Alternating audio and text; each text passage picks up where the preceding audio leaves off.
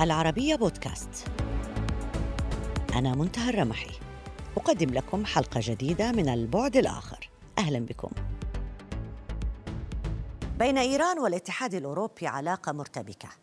المصالح الاقتصادية تفرض أحيانا حالة من التقارب ولكن الملفات السياسية وانتهاكات حقوق الإنسان وعمليات الاغتيال التي يتورط فيها النظام الإيراني كثيرا ما تدفع بالعلاقة إلى حافة الهاوية.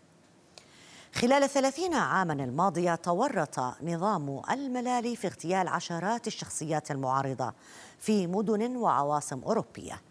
وقبل عامين تفجرت كبرى الفضائح السياسية عندما تورط دبلوماسي إيراني يعمل في سفارة إيران بالنمسا في قضية إرهاب كبرى تتضمن حمل متفجرات في حقيبته الدبلوماسية والتآمر لمحاولة تفجير مؤتمر للمعارضة الإيرانية. الدبلوماسي هو أسد الله أسدي والذي بدأت محاكمته في بلجيكا الشهر الماضي. وقد قامت زعيمة المعارضة الإيرانية مريم رجوي بالإدلاء بشهادتها في قضيته وقالت أمام سلطات التحقيق قالت إن هذه العملية الإرهابية الكبرى قد تم تبنيها خلال جلسة للمجلس الأعلى للأمن القومي للنظام برئاسة حسن روحاني. ووفق عليها بأمر مباشر من الولي الفقيه للنظام علي خامنئي. زعيمة المعارضة الإيرانية السيدة مريم رجوي كان لها دور كبير في كشف النقاب عن ممارسات النظام الإيراني ضد حقوق الإنسان وجرائم الإرهاب والاغتيال التي تورط بها. وطوال الثلاثين عاما الماضية كانت في موقع المواجهة مع النظام ودفعت شخصيا الكثير من التضحيات حيث سقط من عائلاتها ورفاق دربها الكثير من الضحايا الذين نكل بهم النظام الإيراني أو اغتالهم. أرحب في هذه الحلقة بضيفتي من باريس السيدة مريم رجوي. أهلا بك معنا سيدة رجوي. Thank you for inviting me. It's always a pleasure to have a شكرا. لاستضافتي بأنه هذه فرصة دائما هذا فرصتي وأعتز بأنني الحديث مع أخواني وأخواتي في العالم العربي. أهلا بك سيدة رجوي ودعيني أبدأ معك فقط مما ذكرناه قبل قليل في المقدمة. واحدة من العمليات أو العمليات الكبرى التي يتم التخطيط لها للعمليات الإرهابية في أوروبا تتم الموافقة عليها من الرئيس ومن الولي الفقيه. متى يحصل هذا؟ رژیم آخوندی حتی یک روز بدون سرکوب. النظام الملالي لا يمكن أن يستمر أن يستمر ليوم واحد دون قتل المعارضين أو اغتيالهم. أنا لدي كتاب هنا يضم قائمة لشهداء مجاهدي خلق والمقاومة الإيرانية. لحد الآن تم اغتيال وإعدام 120 ألف لأسباب سياسية. وهنا صورهم وأسماءهم موجودة.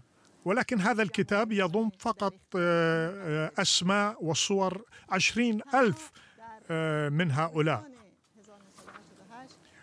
في صيف 1988 بفتوى من الخميني شخصيا تم إعدام 30 ألف شخص. يمكن تلقوا نظرة على قائمة أولئك الذين تم إعدامهم في عام 1988 بفتوى من الخميني شخصيا وأنتم ترون هذه الفتوى في هذا الكتاب. وبدقة كانت الإعدامات تتم بأوامر منه مباشرة وبفتواه فهم كانوا من أفضل أبناء الشعب الإيراني ومن من من جميع الفئات في المجتمع الإيراني. فتوى الخميني التي يعمل وفقها خامنئي لم تترك أي شكوك بأن هذه جريمة ضد البشرية. وفقا لهذا الحكم من كان وفيا لمجاهدي خلق يجب يتم إعدامه. لماذا؟ لأن مجاهدي خلق هم المعارض والنقيض لولاية الفقيه. ولاية الفقيه في واقع الأمر هي النسخة الشيعية لداعش فهي ثلاثين سنة ظهرت في العالم الإسلامي. تعلمون النظام يقمع المعارضين بشكل القيام بعمليات اغتيال في الخارج. ولهذا السبب قام باغتيال عدد من معارضيه في أوروبا. الأسبوع الماضي وزارة الخارجية الأمريكية 13 نفر که در ترور دکتر کاظم رجوی نماینده.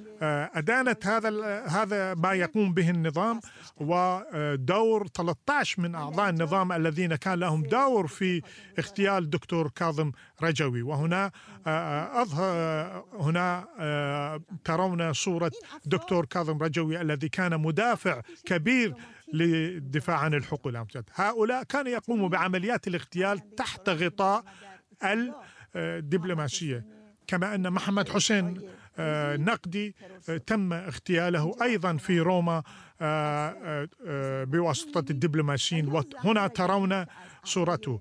وزهرة رجوي من أعضاء من أعضاء مجاهدي خلق في تركيا تم اغتيالها. وهناك الكثير من من معارضي النظام تم اغتيالهم في الخارج. أنكم تعلمون بلا شك. سال 2018 خونسا شد. أنتم تعلمون في 2018 تم إفشال محاولة من قبل النظام لاغتيال لتنفيذ عمليات ضدنا. وكانت هدفهم الاغتيالي هو مؤتمر للمعارضة في باريس. أنا وعدد من كبير المسؤولين العرب والأمريكيين والأوروبيين ورئيس الوزراء الجزائري وجولياني من أمريكا ورئيس الوزراء الكندي السابق ووزراء خارجية فرنسا وإيطاليا وكندا كانوا حاضرين. وكثير من الشخصيات كانوا حاضرين في تلك في ذلك المؤتمر. والآن دبلوماسي للنظام ويعتبر من كبار المسؤولين في وزارة الخارجية بسبب دوره المباشر في تخطيط لتفجير المؤتمر الآن هو معتقل في أوروبا. وهذه لأول مرة يتم اعتقال دبلوماسي إيراني يتم اعتقاله ووضعه في السجن. همین 27 نوامبر امسال. و 27 من نوفمبر القادم سيتم محاكمته هذا هو شخصيا نقل المواد المفجرة بطائرة ركاب من جابها إلى أوروبا وسلمها إلى إرهابيين آخرين. نحن يحاول نحن نعلم بأن النظام يحمل يهدد بأنه حتى يمنع إقامة هذه المحاكمة حتى تهديدات إرهابية. و27 من نوفمبر ستكون الجلسة طيب العلنية للمحكمة. تحديدا في هذه الجلسة في هذه المحاكمة محاكمة أسد الله أسدي سيدة رجوي أنت أدليت بشهادتك شخصيا فيها. هل وضحت هذه هذه الصورة للمحكمة أو للجهات القانونية الجهات القضائية؟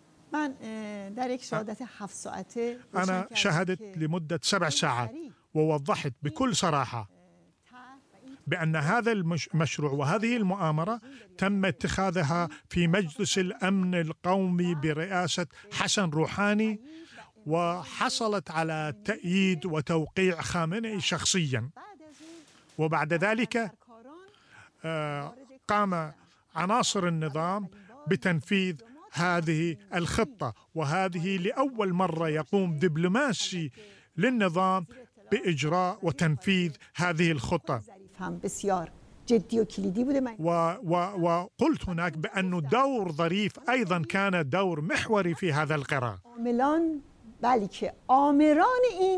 وأنا قلت لا يجوز فقط محاكمة العناصر بل يجب محاكمة من صدر الأوامر لتنفيذ هذه العملية.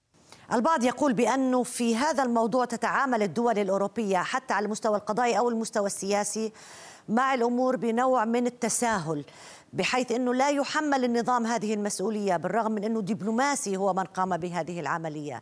لذلك هذا يعطي المجال لإيران أن تقوم بالتخطيط والترتيب لعمليات أخرى لها علاقة بمعارضين إيرانيين في الخارج وحتى بدبلوماسيين آخرين بالتنسيق مع دبلوماسيين من دول أخرى.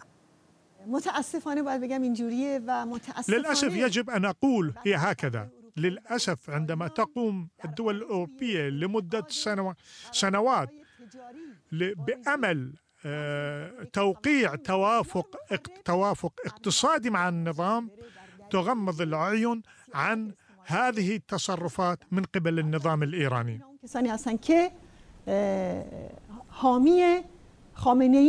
أعتقد أن هؤلاء هم يدافعون عن خا- خامنئي وروحاني وعلوي وظريف. فهذه السياسة تؤدي إلى آه، تحاول إبعادهم عن هذه المؤامرة ولكن يجب أن نقف بوجه ذلك. أنا باعتقادي بأن هذه السياسة تجعل الملالي يكون على أكثر جرأة في هذا المجال.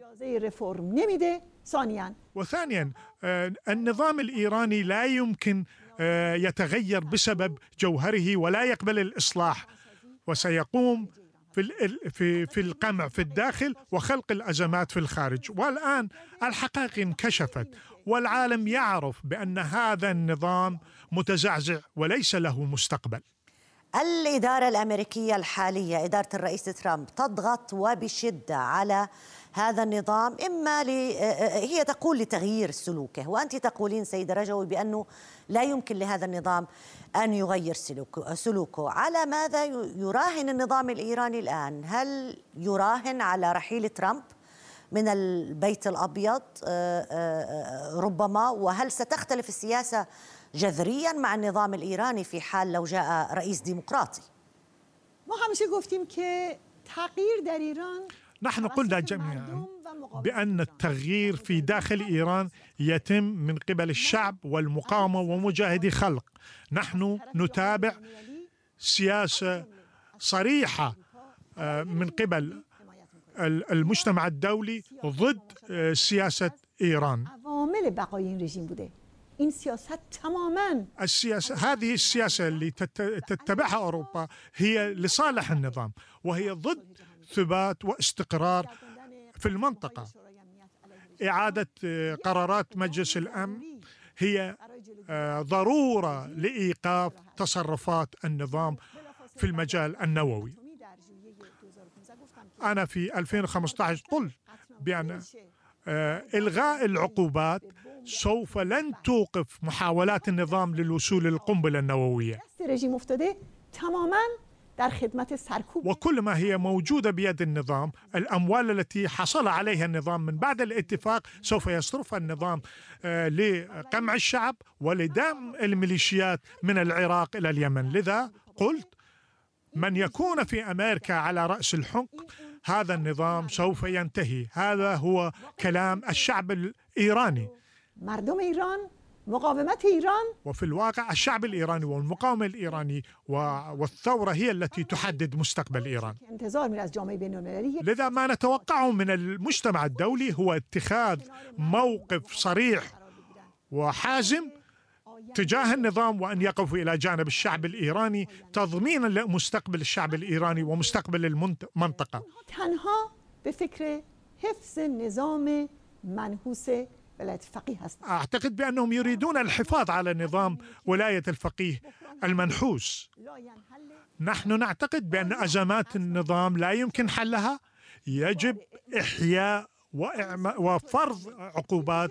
المجلس الامن مرة مرة أخرى ويجب القضاء على كافة المواقع النووية للنظام. وهذا ما يضمن مناف مصالح الشعب الإيراني وال وال والأمان والاستقرار في طيب. المنطقة. بالحديث عن الشعب الإيراني. جل المعارضة الإيرانية موجودة في الخارج. والنظام الإيراني الحقيقة كل من يتحرك في الداخل يقمع بقسوة وبشدة. هل ما زال هناك أمل على تغير ما من إيران داخليا؟ يجب أن أقول سرکوب، صحيح أن هناك قمع اکثر وممارسة الضغوط الأقصى من قبل النظام والاعتقالات والتعذيب والإعدامات موجودة في إيران. ولكن في واقع لم إيران تعيش في مرحلة صعبة. الشعب الإيراني لا يريد هذا النظام. نظام الملالي منتهي. أغلبية الشعب الإيراني لا يرضى ومستاء من هذا النظام. والشعب في في المظاهرات التي سمعناها في نوفمبر الماضي الشعب أطلق شعار الموت لخامنئي الموت للنظام. وقالوا لا للإصلاحيين ولا للأصوليين. هذا يعني بانه كل هذا النظام بأكمله منتهية. وهم كانوا يقولوا لا للظالم إن كان ظالم الملك الشاه أو كان آه، الملا. الشعب الإيراني لا يريد الشاه ولا يريد آه، الجمهورية الإسلامية حاليا.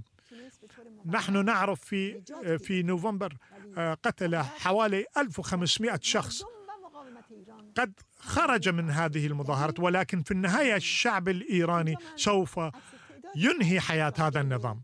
أنا هنا أعرض عليكم صور عدد من شهداء آه، نوفمبر الماضي. الذين كانوا جميعهم من الشباب.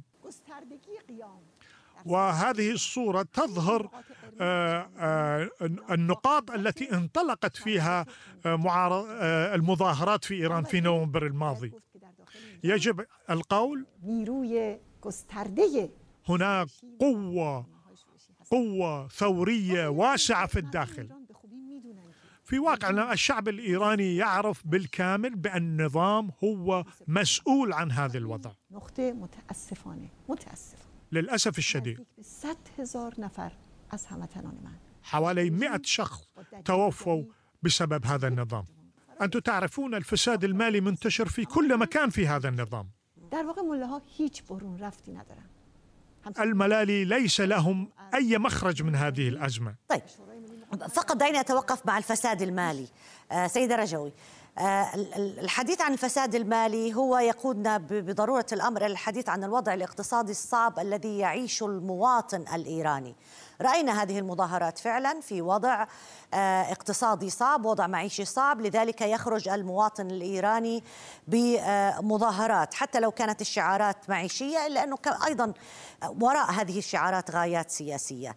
لماذا برأيك يصر هذا النظام على المزيد من الدفع بالأموال والمزيد من التدخل في المنطقة العربية بأذرعه في المنطقة برغم الحالة الاقتصادية الصعبة في الداخل وبرغم هذا الضغط من أمريكا وهذه العقوبات عليه لماذا هذا الإصرار على التدخل في العالم العربي وبسط وسيطرة النفوذ محاولة سيطر البسط فيه؟ سؤال جيد جدا. في واقع الأمر إيران بلد غني. مصادر آه، غنية من النفط والغاز وسائر المصادر الكبيرة في هذا البلد. ولكن هذا البلد الغني يعيش على أرضه شعب فقير لماذا؟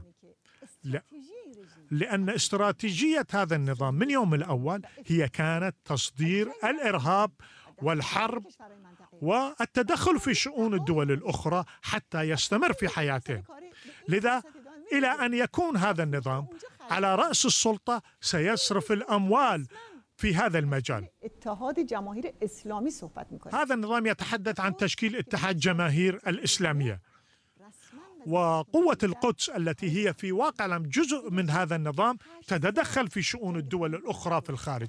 ثمان سنوات هذا النظام استمر في الحرب آه، مع العراق تحت شعار آه، طريق القدس يمر من كربلاء. وهو المسؤول عن مقتل مئة- 500 ألف من الشعب السوري. وهو السبب آه، السبب الرئيسي في ال- في الحرب في اليمن ومنع آه، استتباب السلام في هذا البلد. والهجوم على ال- ال- السفن وعلى المنشآت النفطية في أرامكو والشعب الإيراني يرفض ذلك. آه، الشعب الإيراني يريد علاقات أخوية مع الدول الجوار. ويرفض مدخلات النظام يجب ايقاف تدخلات النظام وهذا خطا آه، استراتيجي عندما يقوم السماح لهذا النظام لأن الملالي بهذه الطريقة يستمرون في آه، التدخل في شؤون الدول الاخرى لأن التدخل جزء من استراتيجيه النظام للبقاء نهایی ایران و صلح و ثبات در منطقة. أنا أعتقد الحل النهائي هو إسقاط الملالي بيد الشعب الإيراني وحركة المقاومة. بلا شك إيران المستقبل ستكون بعيدة عن آه، استبداد الشيخ والشاه. إيران تبحث عن علاقات جيدة مع دول الشقيقة في المنطقة. هذا النظام يحتاج بأنه يستخدم الأموال في خارج البلاد حتى يستمر في حياته. وقالها خامنئي مرارا عندما نحارب في دمشق وبلدان أخرى سنبعد الحرب عن طهران وأصفهان والمدن الأخرى. لذا استراتيجية بقاء هذا النظام هو تصدير الإرهاب إلى الخارج.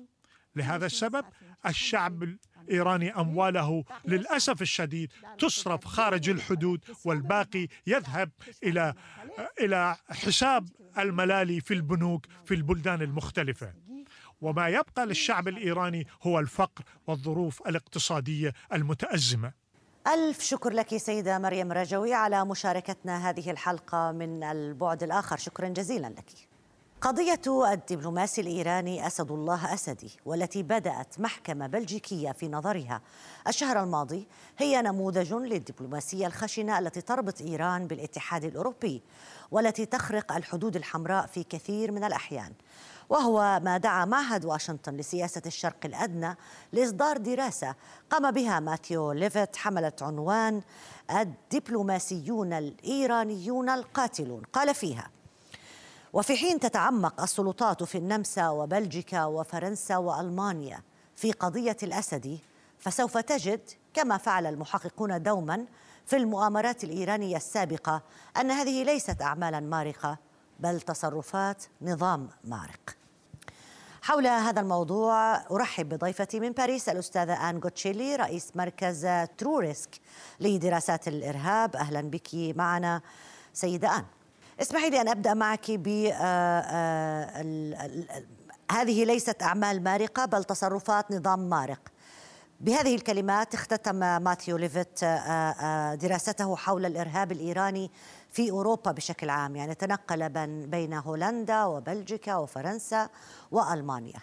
كيف ينظر الاتحاد الأوروبي عادة لعمليات إرهابية أو للتخطيط لعمليات إرهابية تجري على أرضه بالعادة ما تكشف التحقيقات أنها على علاقة مباشرة بالنظام الإيراني سواء بالحرس الثوري أو بالأنظمة الدبلوماسية الإيرانية. dès lors qu'il y a eu l'arrestation d'un عندما يتم اعتقال آه، مواطن أجنبي آه، يشتبه في أنه يقوم بنشاط استخباراتي أو إرهابي. آه، فإذا ما تم الإعلان عن ذلك فهذا يهدف لإيجاد رأي عام يؤيد عمل معين. وجهازا الاستخبارات في البلدين يتواصلان آه، فيما بينهما ويحاولان التوصل إلى آه، حل وسط والاستفادة من اعتقال شخص أجنبي متهم بالتجسس أو بالنشاط الإرهابي. وهذا يسمح بالإفراج عن معتقلين أو الحصول على معلومات. غالبا ما تكون هذه المباحثات سرية. ولا آه، تظهر للعلن آه، فورا آه، في تصريحات علنية دبلوماسية. لكن الدبلوماسية مسألة معقدة وبالتالي يجب قياس أي حركة يتم القيام بها. ونادرا آه، ما يقوم الاتحاد الأوروبي على سبيل المثال بتوجيه تهمة آه، مباشرة لبلد بعينه. فمجمل الأدوات التي يتم استخدامها قبل توجيه أي اتهام سواء تعلق الأمر بإجراء حوار غير رسمي أو سري لم يؤدي إلى أي نتيجة. وقد يكون هناك عواقب وخيمة آه، عندما يتم توجيه تهمة لبلد بشكل رسمي آه، آه، من خلال السياسة المتبعة بدلا من استخدام ذلك كأداة تسمح بالتفاوض بشأن قضايا أخرى.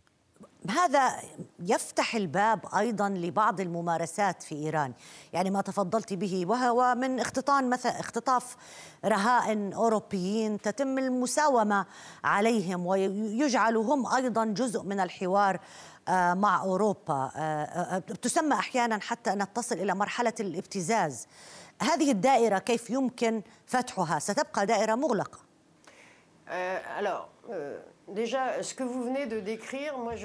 ما تفضلت بالإشارة إليه آه، أدرج ذلك آه، في واقع الأمر آه، بشأن بلد آخر ألا وهي تركيا. فتركيا هي التي تنتهج هذا السبيل في علاقاتها مع الاتحاد الأوروبي. لكن هذا مثال وجيه فنحن ندرك نحن الأوروبيون ندرك جيدا ما هي اللعبة التي تلعبها تركيا في هذه الأيام فيما يتعلق بملف الجهاديين والمهاجرين غير الشرعيين وقضية ليبيا مع الاتحاد الأوروبي. أليس سيدة آن أليس التعاطي ب طريقة ربما توصف بأنها رخوة مع إيران في هذه المسألة تحديدا؟ هو من شجع تركيا على اتخاذ نفس النهج يعني أصبح البلدين الأتراك والإيرانيين يتعاملوا بنفس الطريقة مع أوروبا. طبعا الرهانات ليست ذاتها بين تركيا وأوروبا من ناحية وإيران وأوروبا من ناحية أخرى؟ والسبب في ذلك يعود لأن إيران بحاجة إلى البلدان الأوروبية آه، حاليا وخاصة فيما يتعلق بتجديد الحظر على توريد الأسلحة إلى إيران والذي ينتهي في شهر أكتوبر المقبل. من ناحية أخرى فيما يخص تركيا أنا أتفق معك. فثمة ضعف في الموقف الأوروبي تجاه السياسة التي تنتهجها تركيا في الوقت الحالي وهذا يعود لأن البلدان الأوروبية هي منقسمة على نفسها فيما يتعلق بالعلاقة مع تركيا وكذلك مع العلاقة مع ليبيا. لأن تركيا آه، متورطة بشكل كبير في الملف الليبي. ثم آه، فيما يخص العلاقة مع حلف شمال الأطلسي لأن تركيا هي عضو في الحلف. وهناك توتر في الوقت الراهن وأسئلة تطرح. مفهوم, مفهوم سيد آن آه، ما يحيط بالأزمة الإيرانية الأوروبية أو في العلاقة الإيرانية الأوروبية وكيف يختلف عن العلاقة التركية الأوروبية. ألف شكر لك على المشاركة معنا. آن غوتشيليا رئيس مركز تروريسك لدراسات الإرهاب. شكرا جزيلا.